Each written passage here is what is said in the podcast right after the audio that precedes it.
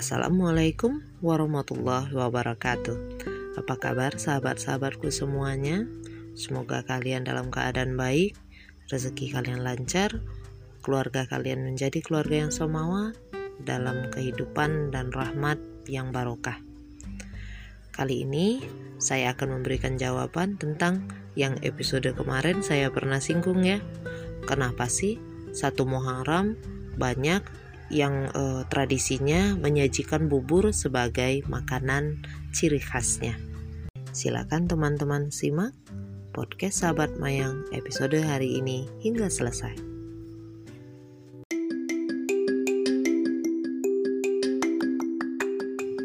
Filosofi bubur suro, makanan khas tahun baru Islam, beserta lauk pauknya yang penuh makna. Saya lansir dari kompas.com. Bismillahirrahmanirrahim. Salah satu hidangan yang identik dengan tahun baru Islam adalah bubur suro. Masyarakat Jawa khususnya menghadirkan bubur suran atau bubur suro pada malam menjelang datangnya satu suro. Satu suro adalah hari pertama dalam kalender Jawa, yakni bulan sura atau suro satu suro ini bertepatan pula dengan tanggal 1 Muharram dalam kalender Hijriah atau Tahun Baru Islam. Dalam konsep Jawa, hari esok dianggap datang setelah lewat pukul 4 petang. Maka dari itu, bubur suro disajikan pada malam menjelang datangnya satu suro. Tanggal 1 Suro diperingati oleh masyarakat Jawa dengan cara yang khas dan telah dilaksanakan secara turun-temurun selama berabad-abad. Salah satunya lewat elemen kuliner yang khas sebagai lambang perayaan tersebut. Bubur suro menjadi lambang untuk perayaan Tahun Baru Islam dan karenanya harus dibaca, dilihat, dan ditafsirkan sebagai alat atau ubarampe dalam bahasa Jawa. Ubarampe atau rampe ya untuk memaknai satu suro atau tahun baru yang akan datang. Oke, bubur suro punya rasa gurih dengan nuansa pedas yang tipis, biasanya dibuat dari beras, santan, garam, jahe, dan serai. Selain itu, Bubur suro juga biasa disajikan dengan lauk berupa opor ayam dan sambal goreng labu siam, berkuah encer dan pedas. Di atas bubur ditaburi serpihan jeruk bali dan bulir-bulir buah delima. Ada pula tujuh jenis kacang, yakni kacang tanah, kacang mede, kacang hijau, kedelai, kacang merah, kacang tolo, dan kacang bogor. Sebagian kacang ada yang digoreng dan ada yang direbus. Tak itu saja, ada pula tambahan berupa irisan timun dan beberapa lembar daun kemangi. Sebagai ubarampe, bubur suro juga disajikan dengan ubarampe lainnya berbentuk siri lengkap, kembar mayang, dan sekeranjang buah-buahan. Kehadiran siri lengkap melambangkan asal-usul dan penghormatan atau pengenangan kita kepada orang tua dan para leluhur, khususnya yang telah mendahului kita.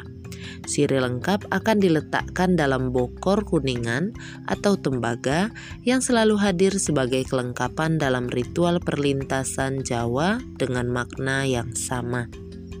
Sementara untuk kembar mayang, merupakan dua vas bunga yang masing-masing berisi tujuh kuntum mawar merah, tujuh kuntum mawar putih, tujuh ronce rangkaian melati, dan tujuh lembar daun pandan. Angka tujuh pada bunga dan kacang-kacangan juga punya arti tersendiri.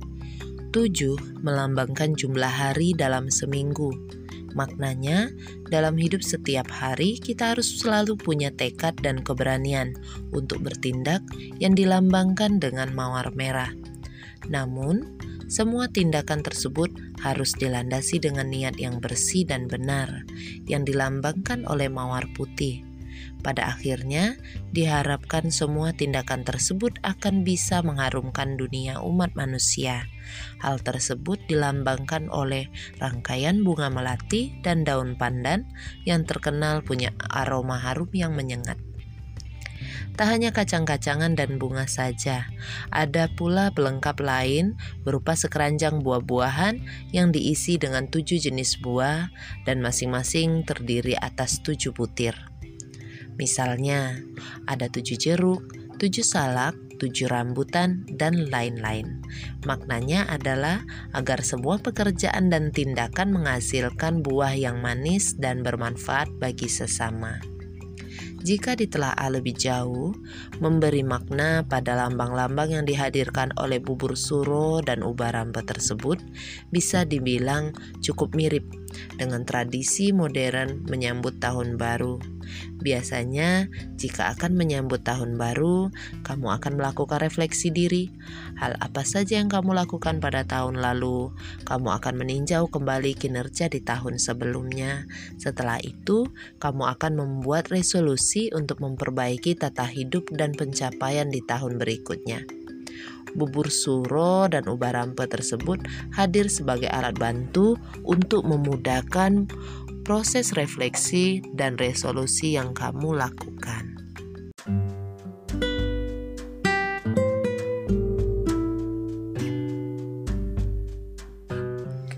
Baiklah, itulah tadi makna tentang bubur suro yang menjadi makanan khas pada saat Tahun Baru Islam yang dilakukan oleh masyarakat Jawa maupun beberapa daerah lainnya di Indonesia. Kurang lebih sama. Intinya, sahabatku semuanya, bukan di makanannya, tapi pada maknanya. Mengapa harus bubur? Mengapa harus tujuh? Mengapa harus lauk yang itu itu itu saja? Kalau kalian pernah merayakannya bersama eh, teman-teman atau keluarga kerabat dengan cara tradisional yang lainnya ya. Jadi intinya ada doa-doa dan resolusi diri kita untuk tahun yang ke depan. Sedangkan yang kemarin berusahalah kita untuk memaafkan orang lain, memaafkan diri kita, berbuat lebih baik, bertobat gitu ya. Supaya di tahun ke depannya kehidupan kita kepribadian kita iman kita juga jauh lebih baik uh, meningkat ya. Meningkat dibandingkan yang sebelumnya semoga teman-teman sahabat-sahabatku semua memiliki tahun yang baik tahun ini ya semoga keinginannya banyak yang tercapai makin semangat untuk mencari uh, pundi-pundi rezeki, untuk berhijrah ke arah kebaikan, ya. Tetap semangat, tetap berani, istiqomah. Kita semua sedang belajar, kita semua sedang berusaha. Oke, jadi keep spirit. Terima kasih sudah mendengarkan podcast Sahabat Mayang untuk edisi hari ini. Sampai jumpa lagi di episode-episode berikutnya. Jazakumullah khairan katsira. Assalamualaikum warahmatullahi wabarakatuh.